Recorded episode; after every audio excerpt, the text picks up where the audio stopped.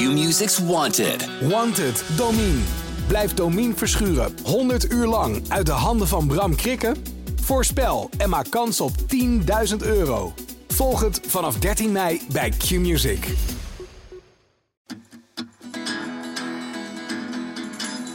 Welkom bij Culturele Bagage, de wekelijkse cultuur- en tijdsgeestpodcast van de Volkskrant. Mijn naam is Esma Linneman. Over een kleine week gaat Nederland naar de stembus. Lijsttrekkers moeten de komende dagen nog keihard aan de bak, want de helft van de kiezers weet nog niet wat ze gaan stemmen. Bestaanszekerheid, migratie en de woningmarkt en natuurlijk de zorg. Dat zijn belangrijke thema's deze verkiezingen. Maar gevraagd naar waar kiezers nou echt op letten, zeggen ze. Onder andere op inhoud inderdaad en ook of ik iemand vertrouw. Iemand moet vertrouwenwekkend overkomen. Dat is voor mij belangrijk uh, bij mijn stem. En ook stiekem toch wel een heel klein beetje persoon. Uh, ja, ik wil niet dat iedereen uh, premier, iedereen premier wordt, zeg maar. De personen dus en hun imago. Dat speelt een grote rol ook bij deze Tweede Kamerverkiezingen. We stemmen niet alleen op partijprogramma's, maar toch zeker ook op de mensen. En alhoewel lijsttrekkers meer dan ooit over de inhoud lijken te willen praten, weten ze ook donders goed dat ze zelfverzekerd, betrouwbaar, sterk en standvastig moeten overkomen. Nou, hoe doen ze dat nou? Hoe maken ze gebruik van muziek, van kleding, lichaamstaal en woordkeuze om jouw vertrouwen of sympathie te winnen? En lukt het de lijsttrekkers eigenlijk wel om zich te profileren als leuke en betrouwbare leiders in de nieuwe televisieformats? En ook in een campagnetijd waarbij een nogal kleurloze dossiervreter alle aandacht krijgt. Hoe poetsen de politici dus hun imago op en hoe proberen ze zo positief mogelijk op te vallen? Daar ga ik het vandaag over hebben met fotojournalist van de Volkskrant Merel Pem. Goedemorgen. Goedemorgen. En aangeschoven is ook muziekjournalist Menno Pot. En via een verbinding vanuit een zonnig vakantieadres, waarover later meer, uh, ook onze tv-columnist Alex Mazereel. Hoi Alex. Goedemorgen. Nou, allereerst aan jullie hier ook aan tafel. Hebben jullie eigenlijk al een keuze gemaakt? Menno. Ja, ik heb al besloten. Ik ben nooit een zwevende kiezer, kiezer geweest en dat ben ik ook nu niet. Ik stem op uh, Esther Oude, Ouwehand van de Partij voor de Dieren. Ik vind haar de beste debater van het hele stel. Staat voor de onderwerpen die ik belangrijk vind. Ja, ja. En jij Merel, je hoeft trouwens helemaal niet te zeggen nee, op wie je gaat stemmen. Totaal niet. Maar Nee. ik vroeg me alleen af, heb je die keuze al gemaakt? Nou, ik ben een beetje gaan twijfelen sinds een paar dagen. Maar ik spreek me er inderdaad niet over uit zolang ik deze rubriek uh, schrijf. Ja, logisch. Het lijkt me niet handig. Maar ik, ja, ik bespeur een lichte twijfeling bij mezelf. Ja, dus jij van- bent een van, zeg maar, de helft van alle kiezers die dat eigenlijk nog niet precies weet. Ja, maar ik weet wel in welke hoek ik het zoek. Ja. En ik weet ook wat ik belangrijk vind. Dus ik moet nu nog even... Ja, Ja, ja. En laat jij je nou bewust of onbewust ook leiden door ehm, nou ja, de personen, eigenlijk de poppetjes, de lijsttrekkers of de nummers twee, dat kan natuurlijk ook. Ja, ik denk dat iedereen dat wel doet. Ja, toch? Ja. En jij, Alex? Ja, ik ben, ik ben zo zwevend dat ik maar naar het buitenland ben gegaan om het te gaan bezinnen. Dus eh, nee, ik... eh, naar Marokko. weggezweefd. Ja, nee, ik ben nog steeds een beetje zwevend. Ik heb wel een indruk, maar dan eh, twee partijen twijfel ik nog tussen. Maar dat eh, zou ik ook maar voor me houden om de objectieve tv-columnist te blijven uithangen in dit geval. Ja, en, en zijn jullie altijd ehm, ja, zwevend geweest? Of dat jullie nog een beslissing moesten maken zo kort voor de verkiezing? Of heeft het ook wel met deze tijd te maken, Merel? Ehm, ja, ik denk dat het met deze tijd te maken heeft. Tenminste, ik bespeur het nu voor het eerst bij mezelf. Ja, Ik, voorheen wist ik het eigenlijk altijd gewoon heel erg zeker. Maar het kan ook zijn dat omdat ik me nu er zo in verdiep... en dat Ja. doe ik normaal gesproken niet zo als ik het nu doe... dat ik daardoor ben gaan zweven. Dus ik weet het niet ja eigenlijk. het befaamde Ja. Dunning-Kruger effect. Ja. Hoe meer je weet, hoe Ja. meer je gaat twijfelen Ja. hè, aan iedereen en alles. Hey, jij maakt eh, voor ons een serie in de krant, ehm, waarin je eigenlijk de beeldvorming rondom lijsttrekkers onder de loep neemt. Mhm. Ehm, hoe, ga, hoe ben jij te werk te- gegaan? Hoe Ja. doe jij dat? Ehm, in eerste instantie wilde ik twee dingen heel erg niet. Ik wilde niet op de, op de plek van de, van de Haagse duiders gaan zitten, zeg maar, voor de krant. Daar hebben we er echt eh, genoeg uh, goede van. Zeker. En ook, ik wilde heel duidelijk het beeld een rol laten spelen. Dus inderdaad heel erg benadrukken. Ja, het beeld wordt bepaald door de lijsttrekkers zelf en door hun, het, het team wat erachter zit, maar natuurlijk ook door de fotografen. ja. En dat is een soort spel en dat is altijd in beweging. En soms lukt het de lijsttrekkers om een beeld van zichzelf te laten zien dat een soort van overeenkomt met wat de fotografen pakken of wat je ziet op, eh, op televisie. Want het zijn natuurlijk ook allemaal momenten. Ja. En soms eh, lukt het ook niet zo goed, dan, dan loopt het een beetje uit elkaar. Ja. En ik wilde ook heel erg niet uh, te veel over kleding zeggen. Want dat gebeurt natuurlijk toch heel vaak. En vooral bij vrouwelijke Vrouwen. politici is dat echt een valkuil. Ja. Dus ik, af en toe zeg ik er zeker iets over. Want je komt er soms ook niet onderuit. Omdat het gewoon heel erg... Weet je, Caroline van der Plas met de groene, groene dingetjes overal. En de accessoires. Daar wil je toch iets over zeggen. Ja. Maar dan doe ik het ook bij de mannen. ja, want daar speelt natuurlijk kleding ook een rol. Zeker. Alhoewel het misschien nog meer om details eh, gaat. Ja, hey, en ehm, heb jij het idee dat imago een grote rol speelt deze verkiezingen? Of is het anders dan anders? Mm, niet het idee dat het heel anders is. Het is eigenlijk al de laatste jaren zo, heeft het zo'n vlucht genomen. Dat Ja. hele imago. Eh, Je merkt gewoon bij sommige mensen dat er echt een team achter zit. Ja. Weet je wel, dan ineens is er een bril af. Zo heel duidelijk. Of er is ineens een baardje. Of er is ineens toch iets veranderd. Je zag het bij Dylan Jezus. Die heeft denk ik zelf een heel sterk gevoel van wat ze wil uitstralen. Ja. Maar je merkte ook wel de afgelopen jaren... dat er echt professionalisering van haar voorkomen. Ja. Dus dat, ja, dat zie je duidelijk. En dat speelt al heel lang. Ik dacht, laten we even de belangrijkste Mhm. lijsttrekkers in de zin van de lijsttrekkers die het hoogst in de peilingen staan, Ja. eventjes afgaan. Te beginnen denk ik met, nou ja, eh, de man die, die heel veel bepaalt volgens mij deze Ja. verkiezingen, Pieter Omtzigt. Ja. Ehm, wat, viel jou, a- wat viel jou op toen jij ja, zijn, de beelden rondom hem ging bestuderen? Ja, nou hij was de eerste die ik deed. Want we hebben natuurlijk bedacht van oké, we doen er zes in Ja. aanloop naar de verkiezingen. En inderdaad, in, in de, gro de, de grootste waren in de peilingen. En dan begonnen we bij de grootste. En we eindigen nu bij degene die het laagst in de peiling staat deze week. En ehm, van die zes dan. En dat is? Eh, Dat is Rob Jetten. Oké, ja. ja. dus daar eindig ik mee. Ja. En dat is dan de laatste voor de verkiezingen. Die moet ik zo nog gaan schrijven. Ja. Bij Omzicht, ik begon eh, met hem te beschrijven of hem te bekijken eigenlijk. Toen hij nog in een soort van. eh, ja, er, is- er was een soort spotje op hem eh, gekomen. Waardoor, en hij was ook de hele tijd aan het lachen. Het viel heel erg op dat hij ineens heel vrolijke uitstraling had. Alsof er iets van hem was afgevallen. Dat schreef je ook, Ja. alsof hij een soort, ja, een soort relaxed eh, ja, eigenlijk is. hij was altijd soort Ja. heel serieus. Een beetje zeg maar een soort van de nerd van de klas. En de, de dossiervreter. Dat is het woord dat altijd wordt gebruikt bij hem. Ja, En daar hoorde ook een soort van, ja, eh, serieuze blik bij. En eh, je zag hem bijna nooit lachen. En nu ineens eh, zag ik hem wel heel erg lachen. Het viel het echt op. ja. Dat hij in de Tweede Kamer gewoon onderrondjes had met, met veel vrouwen, moet ik zeggen. Maar het kan heb ik niet opgeschreven. ja, er is ook zo'n befaamde foto van hem en Caroline van der Plas. Dat Ja. hij ook echt, nou ja, dat lijkt wel alsof hij, ik wil niet zeggen de slappe lach, maar hij, hij lacht wel gewoon ja. Vrij uit. Ja, Ja, hoofd achterover. En Ja. eh, echt eh, ha, ha, ha. En, en eh, je merkte ook wel... En dat vind ik altijd lastig om daar uitspraken over te doen. Omdat je erg, als je ergens op gaat letten, dan is het ook zo. Maar je merkte toch een beetje dat de fotografen die hem volgden, dat ook opzochten. Dus Ja. ik ging bij ANP kijken, waren echt ontzettend veel lachende omzichtjes. ja. En dat, dat viel gewoon wel op. En ik kan me voorstellen dat dat ook een beetje communicerende vaten zijn. Want hij heeft nogal wat om over te lachen. Ik bedoel, Ja. hij staat heel hoog in de peiling. En nou ja, we hadden het al net over de politieke duiders. We hebben natuurlijk ook eh, de Kamer van Klok. eh, waar echt eh, de inhoud van de politiek Ja. wordt besproken. Maar daar ging het ook over dat, dat mensen... Eigenlijk na Caroline van der Plas nu eigenlijk alles op, op hem lijken te kunnen projecteren. Ja. Hij is de man die het allemaal moet gaan doen. Hè? En die het allemaal ook kan. En die de kennis heeft. Ehm, Terwijl hij daar zelf aan lijkt te twijfelen. hij twijfelt aan alles, toch? Ja. Ja. en, en wat me ook opvalt aan hem is dat hij heel erg eh, bijna de ja, personificatie van het redelijke midden is. Terwijl als je kijkt wat hij echt, waar hij voor staat, Mhm. ehm, en dat, dat doen we kennelijk allemaal veel te weinig, dan is hij eigenlijk heel conservatief. Ja. Ik begreep dat hij het meest met SGP heeft meegestemd. Dat hij voor bedenktijd van abortus is. Nou, ik weet dat hij, hoe hij in de transgender discussie staat, ook echt heel gematigd. Maar zo komt hij niet over, toch Merel? Eh, nee, zo komt hij inderdaad niet over. Dat weet hij goed verborgen te Ja, houden. knap. Ja, Ja, dat is knap. Ja, zeker. Maar ja, als je je nergens over uitspreekt, dan eh, bereik je die status ja wel. onthoud dit, luisteraars. Ja. Dat is een hele handige strategie. Ja.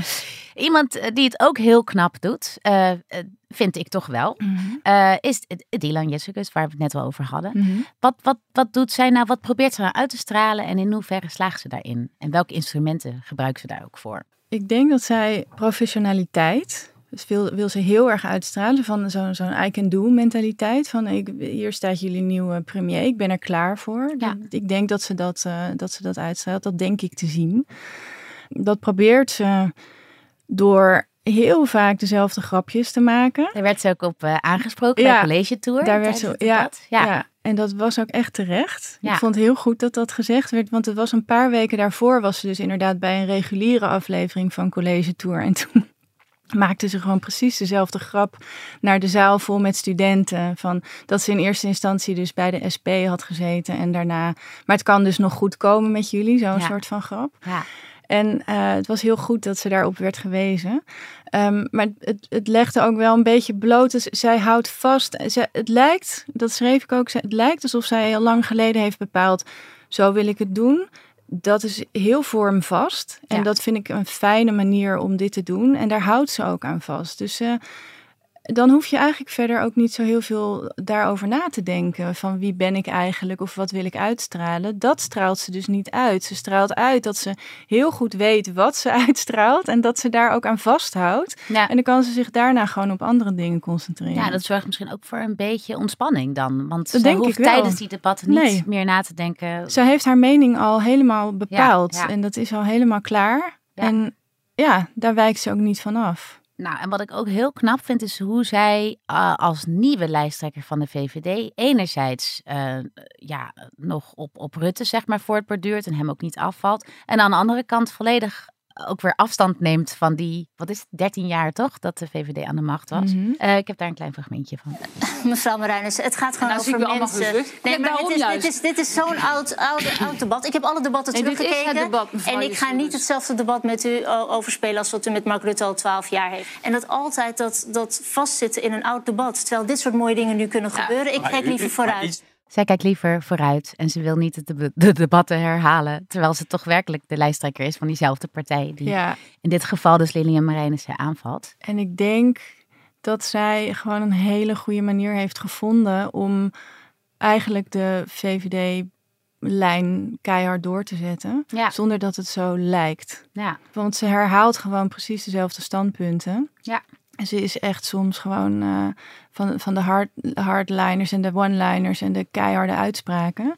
Die schuwt ze ook niet, want ze, weet je, er komt overal het woord sterk komt erin terug. En ze wil, ze wil stevige uitspraken doen. Ja. En tegelijkertijd heeft ze een soort uitstraling van ik, ik ben er, ik sta aan jullie kant. Dat zegt ze ook de hele tijd. Want ik zie jullie en eh, ik, ik heb oog voor de. Maar ik twijfel daar een beetje aan. Heel eerlijk aan de gezegd. oprechtheid daarvan. Aan de oprechtheid daarvan. En dan eh, Frans Timmermans, Mhm. eh, waar veel hoop op was gevestigd. Ja. Een man die zowel eh, zich voor kan doen als iemand die heel gewoon is en uit Limburg komt. Ja. En tegelijkertijd ook een soort allure uitstraalt Staatsman. van een staatsman. ja. Hoe gaat hem dat af? Ik we moeten het nog zien.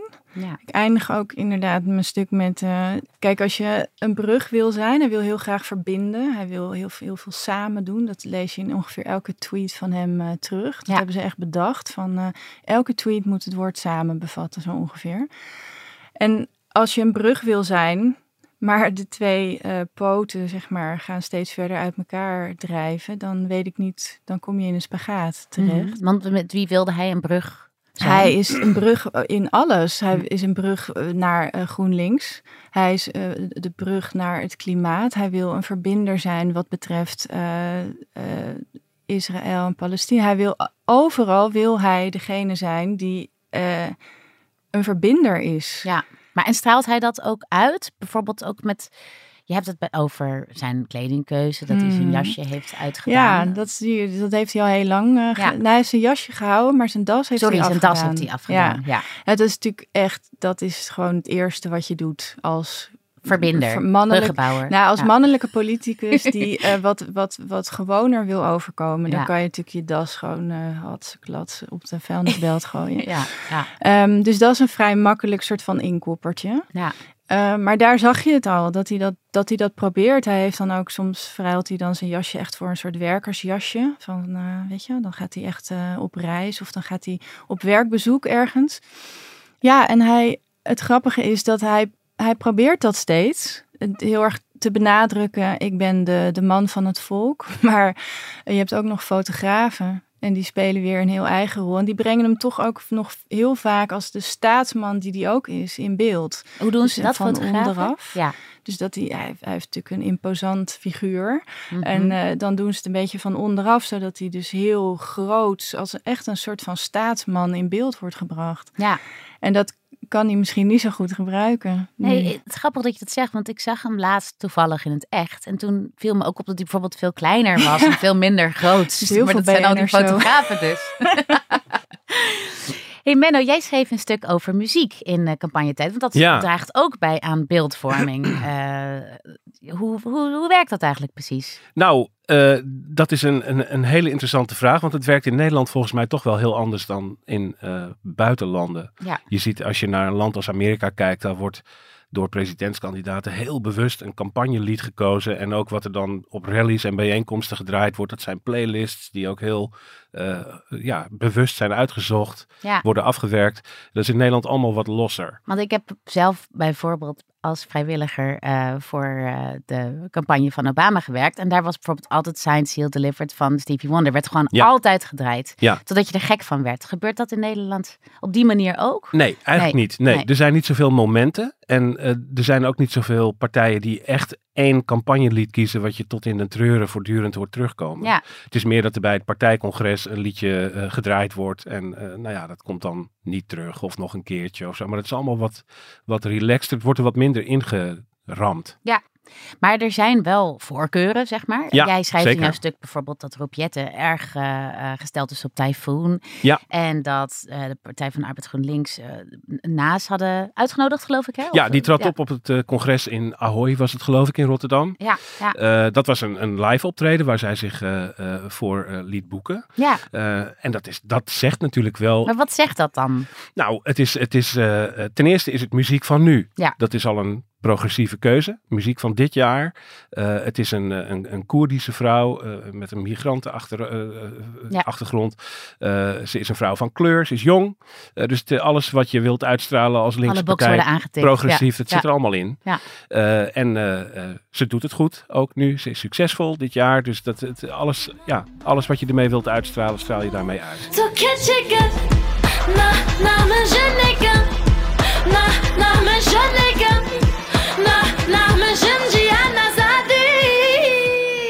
In Amerika, waar we het net al over hadden, eh, daar zie je nogal eens gebeuren dat republikeinen bijvoorbeeld nummers kiezen van eh, progressieve muzikanten of nummers die eigenlijk een heel progressieve boodschap hebben, zoals uh, nou, Born in the USA bijvoorbeeld van Bruce Springsteen. Ja. Dat werd door Ronald Reagan, geloof ik. eh, Ja, ja. in 1984 toen dat heel nieuw was. Terwijl En- dat is een totale aanklacht tegen Ja. nou ja, neoliberalisme en de verloedering van, van een verzorgingsstaat. Zie je dat in Nederland nou ook gebeuren? Worden er ook nummers uitgekozen waarvan misschien de bands denken... hé, hey, wacht eens eventjes. Zeker. Ja. En toen mijn eh, campagne eh, muziekverhaal verscheen in oktober, eh, leverde dat nog zo'n klein zaakje op. Want Oh, een ja. paar dagen later stond er een briefje van Huub van der Lubbe in de krant, een ingezonden stukje van De Dijk. ja, er was een liedje van hun gebruikt door het CDA. ja, En dat vond hij niet zo leuk. nee. En welk nummer was dat ook weer? Dat was We beginnen pas. Ja. En dat, is, dat was ook door het CDA bewust zo gekozen. Want het CDA heeft natuurlijk, die moet een beetje terugvechten. En zijn met Henry Bontebal weer op weg naar het winnen van wat meer kiezers. En dus dat was een soort strijdlied van wij gaan ons weer oprichten. Ja. Eh, en eh, ja, een, een, ehm, eh, een keuze die eh, de dijk dus niet zo erg beviel. En Huub presenteerde dat in zijn, eh, die staat bekend als socialist. Dat Ja. is een oude rode rakker. Maar hij presenteerde het in algemene zin. De dijk houdt er niet van als onze muziek wordt ingezet voor politieke doeleinden. Kun je dan eigenlijk ook iets tegen doen als je... Nou, Ja. meestal als er wordt geklaagd door die artiesten, dan wordt daar gehoor aan gegeven door de politici die eh, de Ja. muziek hebben misbruikt. Ja. Eh, van, tot rechtszaken komt het niet zo vaak. En ik weet ook niet hoe, hoeveel kans van slagen dat zou hebben. Eh, maar het stopt over het algemeen wel. Ja, En bijvoorbeeld, ja. als je in Amerika kijkt, ik heb even gekeken naar eh, Donald Trump. Ja, Die, heeft een, eh, die heeft met heel veel muzikanten ruzie gekregen eh, om het gebruik van muziek. Dat gaat echt van, van, van de erven Tom Petty tot Bruce Springsteen. Nou ja, de lijst houdt niet op. Het is heel veel. Ja, ja. Nou ja, dat is ook een probleem misschien van wat meer conservatieve of radicaal rechtse lijsttrekkers en politici. Die, die die weten vaak niet veel muzikanten aan zich te binden. Die over het algemeen Ja. kennelijk dus wat linkser zijn. Ja, makers in het culturele veld, daar is eh, links en progressief oververtegenwoordigd. Dus Ja. het is voor, voor conservatieve partijen moeilijk. En hoe Die- doet eh, Thierry Baudet het dan? Want die zet ook behoorlijk wat muziek in, in Ja. zijn eh, campagne. Nou, dat is een nogal geschakeerd beeld, kan ik je zeggen. De Forum voor Democratie, dat is een heel boeiend geval als het om muziek gaat. Dat schiet alle kanten uit. Aan de ene kant is Thierry Baudet de man die altijd laat weten dat hij van de klassieke muziek is. Ja. Toen hij laatst eh, op de NOS eh, opkomstmuziek moest kiezen, koos hij eh, ook iets van Puccini. Ja. Is dan de man van de goede smaak, hè, de 19e eeuw. En dat wil hij dan wel graag laten zien. Tegelijkertijd zie je FVD'ers ook wel eens de Polonaise lopen op Leef van Dree Hazes. Ja. en, Tijdens coronatijd volgens voor, mij. Forum voor Democratie organiseerde aan het begin van de campagne een festival. Dat was de enige partij die dat deed. En daar moest dan de band Vandenberg gaan optreden. Maar dat bleef, bleek niet Vandenberg te zijn, maar de oude zanger van Vandenberg, die tegenwoordig iets heel anders doet. En daar was dan de rechthebbende gitarist Adrian Vandenberg, die was daar heel boos om. Die zei, dat zijn wij niet. Not amused. Eh, ja. Dus dat, dat was dan ook weer. En tegelijkertijd probeert eh, Baudet jonge kiezers aan te spreken door in hip-hop liedjes eh, op te duiken. Precies. Dat doet hij als volgt.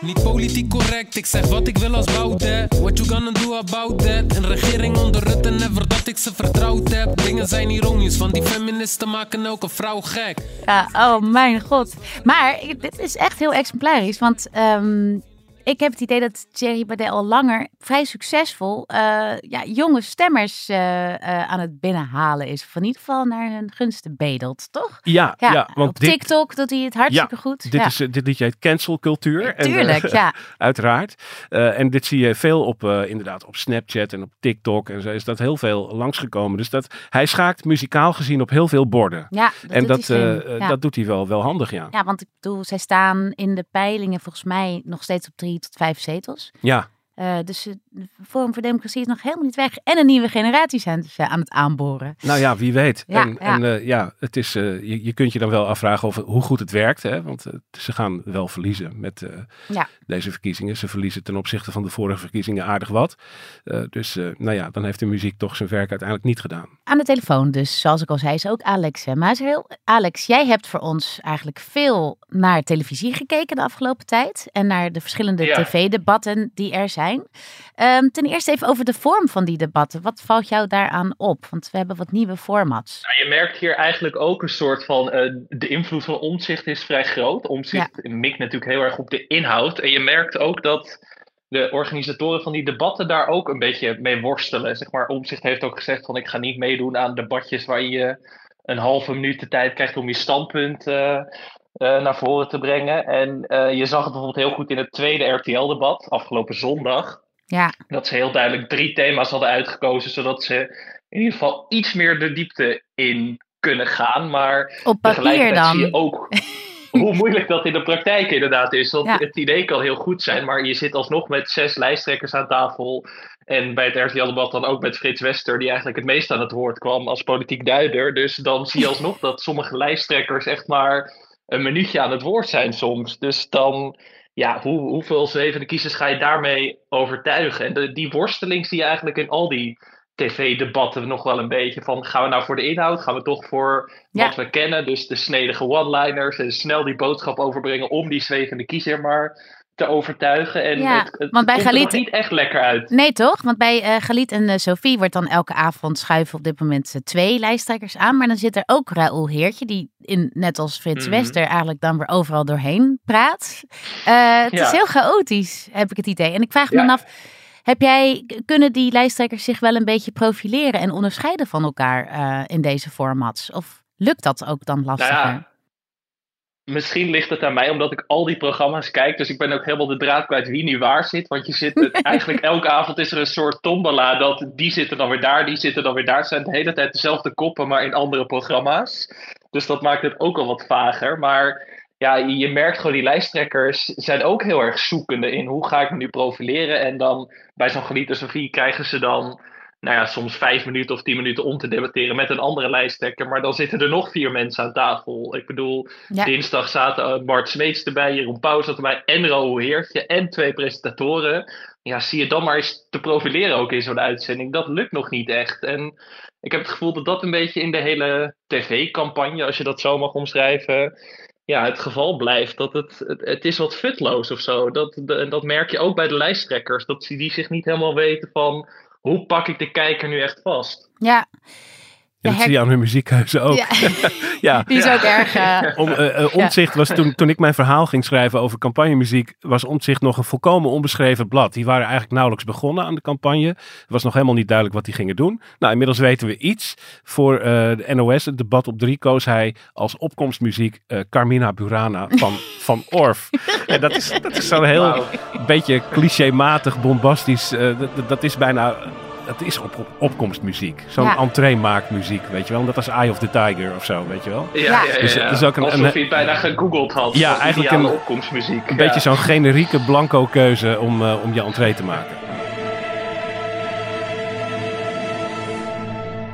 Ik heb ook het idee dat lijsttrekkers, vooral van die grootste vier, ehm, zich een beetje inhouden of ja, niet zich heel erg durven uit te spreken. Alsof iedereen een beetje elkaar vasthoudt. En vooral Pieter Omzicht ze in een soort greep houdt. Zie jij dat ook, Merel? Of? Ja, ik denk dat ze heel erg naar hem kijken. Ja. Of hij echt die greep weet vast te houden, ja, weet ik niet zo goed. Eh, Of ik dat terugzie, want dat is natuurlijk waar ik naar kijk. Dus Ja. ik, ik vind dat ze eigenlijk allemaal wel... Je zag wel Timmermans, die flirte natuurlijk heel eventjes heel sterk met, eh met Omtzigt. En toen hij merkte dat hij niet zo ver mee kwam, eh, ging hij ook net zo snel weer, Hup, weer weg. weg. Ja. En er komt dus nu nog een, een, een week aan, aan verkiezingen op televisie bijvoorbeeld. En ook natuurlijk in beeld aan. Alex, wat, wat kunnen we nog een beetje verwachten? Want het is allemaal nog heel spannend. Als je, kijkt, als je bedenkt dat de helft van Nederland nog niet heeft besloten. Nee, nee, jij zegt nu het is heel spannend, maar wat mij een beetje tegenvalt eigenlijk is dat ik daar weinig van merk op tv. dat het best wel inwisselbaar is op heel veel momenten. Je zoekt, ja, ik zoek als tv-kijker in ieder geval naar waar, waar schuurt het een beetje, waar, waar barst het echt los. En ik heb echt het idee dat iedereen een beetje naar elkaar aan het kijken is van oh, wie begaat er een misstap of wie zegt echt iets gewaagd. En dat gebeurt nog niet echt op tv, maar ik denk wel de hele tijd van ja, die verkiezingen komen wel steeds dichterbij. Dus het, het window om, om een beetje, eh, nou misschien risico te nemen of zo, dat wordt wel steeds kleiner. Eh, ik dacht ook afgelopen maandag zat bijvoorbeeld Frans Timmermans bij Vandaag in Site dan. Wat toch niet, eh, nou ja, je zou zeggen niet helemaal zijn thuishaven is. Nee. Maar ook wat je daar ziet is dat het best wel, nou ja, dat Timmermans daar eigenlijk op routine makkelijk doorheen fietst. Ook omdat hij dan weinig echt journalistieke tegenstand krijgt natuurlijk. Maar je denkt toch van iets meer bezieling of zo. En dat, dat mis ik heel erg in die optredens van die lijsttrekkers op tv. De bezieling is er zo weinig dat ik denk Ja. van... Deze verkiezingen zouden moeten gaan over nieuw leiderschap, nieuwe premier, frisse energie, nieuwe gezichten voor zover mogelijk. En dat zie ik in die tv-optredens totaal niet terug. Ik zie echt alleen maar lijsttrekkers waarbij het lijkt alsof ze er al twintig jaar zitten. En dat, ik hoop dat dat een beetje gaat veranderen de komende week. Maar ik, ik Ja. zie het toch een beetje somber in. En wat ik ook opvallend vind, eh, is dat zeg maar de, de echte nieuwkomer, Caroline van der Plas, ehm, die lijkt ook haar glans te zijn verloren, Merel. Mhm. dat, dat, dat heb jij ook al geconstateerd Ja. in jouw... eh, Ja. hoe, hoe kunnen jullie dat dan weer verklaren? Ja, hoe het te verklaren is, het- gaat niet meer over eh, eh, stikstof. Ja, En, en dat was natuurlijk haar, haar ding. En ze, ze, had, ja, ze had even een moment te pakken tijdens die boerenprotesten. nou een behoorlijk moment. Ze werd Ja, gewoon de grootste van het land. Ja, Maar op de een of andere manier is het dus ook dat ze ook merkt, het is dus net zo snel weer weg. En Ja. dat is voor haar natuurlijk even wennen. ja. Want eh, ja, ze, ze heeft natuurlijk een enorm aantal zetels verloren in de peilingen. En het lijkt ook wel alsof ze daar zich een beetje bij neerlegt. alsof ze ja, het ook niet en echt vindt. ze denkt van, nou weet je, ja, ik heb het geprobeerd, maar eh, lukt niet. Natuurlijk koos zij Sweet Caroline van Ja. Neil Uiteraard. Diamond. Dat nummer Als, kan ik eh, niet meer horen, om eerlijk te zijn. Het- dat, was, dat was een inkopper. Die heeft ze ook ingekopt. Eh, maar zij zorgde ook overigens voor een van de meer opvallende momenten van de campagne. eh, namelijk dat ze tijdens een lezing eh, een stukje Sound of Silence van Simon Garfunkel ging zingen. Ja. Met als eh, a cappella, gewoon zo achter, de, achter het spreekgestoelte. Eh, met als boodschap. Eh, we moeten eens wat meer naar elkaar luisteren. Wat meer stilte, niet altijd maar wat vinden, maar heb aandacht voor elkaar. Ja. Eh, dus eh, dat, dat soort kleine gebaartjes, hè, bij gebrek aan stikstof. Ja, is probeert dat, ze het op die manier. Ja. Ik zie wel een nieuw Ja. tv-format na de Mask Singer, de, Ja. de, de, de political singer of weet ik veel wat. Ja, verder hadden we... De zingende lijsttrekker. Als, als, als, act- als praktiserend muzikant hadden we verder alleen Henry Bontebal die eh, kerkorgel ging spelen. Ja. Eh, dus dat was ook al een, een opvallend dingetje in Kampen. Eh, en, eh, en verder ja, kiezen ze een, een beetje wat Alex uitlegt. Dat zie je eigenlijk ook aan de muziek. Dat het veel oude muziek is, behoudende keuzes. eh, en een beetje, beetje veilig, weet je wel. Timmermans met Born to Run van Bruce Springsteen. Oh, hele Het- het. Obama-achtige. eh, en, en zo, ja, de dijk. En dan kiest Rob Jetten voor Typhoon, wat een beetje het vriendelijke, gematigde gezicht van de Nederlandstalige hip-hop is. Eh, en zo zijn er allemaal een beetje, ja, veilig. Jezel Gus met André Hazes, geef mij je angst. Ja, ja, ja. Eh, nou ja, dat, dat soort dingen. Het is, het is niet Ze heel spelen brutaal. allemaal op veilig. eh, dat is denk ik wel een beetje Nogal. de conclusie. Ja. Ja. Hey, en, en als een van deze lijsttrekkers nou nog even echt wil scoren deze week, wat zou je ze dan aanraden? Merel. Ja, gewoon dat hele beeldvorming in hun achterhoofd een beetje loslaten. Ze zijn er allemaal zo mee bezig. Het is natuurlijk zo belangrijk, dat hele woord. Je komt het ook heel vaak tegen in de krant, beeldvorming. en ze nemen het zelf ook heel vaak in de mond, hè, dat Ja. beeldvorming heel belangrijk is. Maar dat kan ook een soort, dat neemt ze gewoon in de houtgreep. Ja, En haalt daardoor zuurstof komt het, eruit ja, misschien. het haalt alle zuurstof Ja. eruit. En het is gewoon echt zo vervelend. Ja, En je, je merkt gewoon dat als er een heel team over beeldvorming zit na te denken, dan is het natuurlijk allemaal één platgeslagen Ja. ellende eigenlijk. en dat is dan misschien die fletsheid die je voelt. Ja, het zijn formats. Ja. Ze het van tevoren bedachte formats. En er zijn er maar heel weinig die daar eigenlijk zich aan weten te ontworstelen. Misschien Henry. Bontebal? Ja, we hebben... Eh, misschien wel. Laten we gewoon toegeven dat we Henry Bontebal best charmant vinden. Ja, we vinden Henry Bontebal charmant, zeker. En ik vind ook, ja, ik wil er eigenlijk niks over zeggen omdat ik hem nog moet schrijven. Maar ik Ja. vind ook Rob Jetten eigenlijk wel, die weet zich de laatste, dit is een soort comeback kid, eh, heb ik het idee. Tenminste, dat ik ervaar het zo dat hij de laatste weken misschien weer wat meer in de eh, belangstelling staat. Ja, hij heeft zich een ook beetje de. ChatGTP-vibe van zich afgeslagen. En hij lijkt nu wel weer... eh, Hij ja. lijkt wat menselijker. En ehm, hij, hij heeft ook een heel ehm, vaststaand uiterlijk. Dus dat verandert niet. Het is gewoon elke dag. Hij staat zo op, denk ik, met dat haar. En dat Denk is gewoon, ja, dat Ja. is knap. Ja. Maar Dus dan dat hoef je dus verder ook, ja, dat Ja. standvastige. Dat is bij Jezus ook een beetje. Dan Ja. hoef je daar dus verder ook niet over na te denken. En hij richt zich nu helemaal op de inhoud, tenminste naar mijn idee.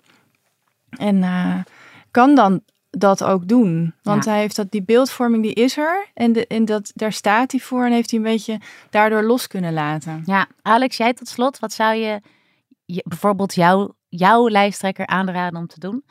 Om nog te sc- kunnen scoren deze week? Poeh, nou dat heeft ook heel erg met die beeldvorming te maken. Ik, ik zie het ook de hele tijd bij Frans Timmermans, die nu in elke uitzending zich een soort van verplicht lijkt te voelen om drie grapjes te maken over zijn gewicht, omdat hij bang is dat anderen dat dan doen. Ach, Dat arme. is, eh, lijkt, Dat is ja, toch dat is ook ook wel zielig inderdaad. Ja, dat is Maar hij, maar hij lijkt dat nu zelf de hele tijd te moeten invullen. Dus ik zou zeggen, laat dat gewoon lekker los. En Ja, ja, dat is heel cliché, maar blij- blijf een beetje jezelf. In dat, in dat opzicht, Ja.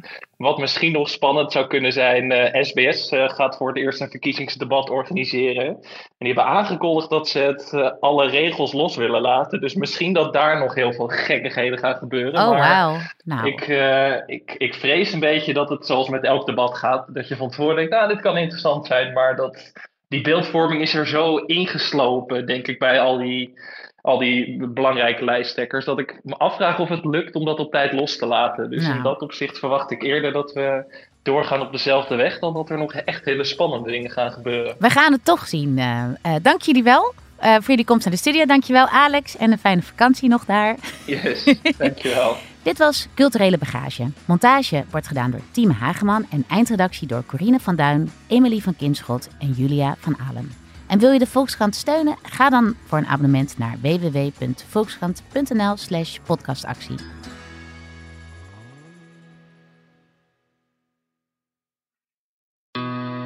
Q-Music's Wanted. Wanted, Domine. Blijf Domine verschuren 100 uur lang uit de handen van Bram Krikken? Voorspel en maak kans op 10.000 euro. Volg het vanaf 13 mei bij Q-Music.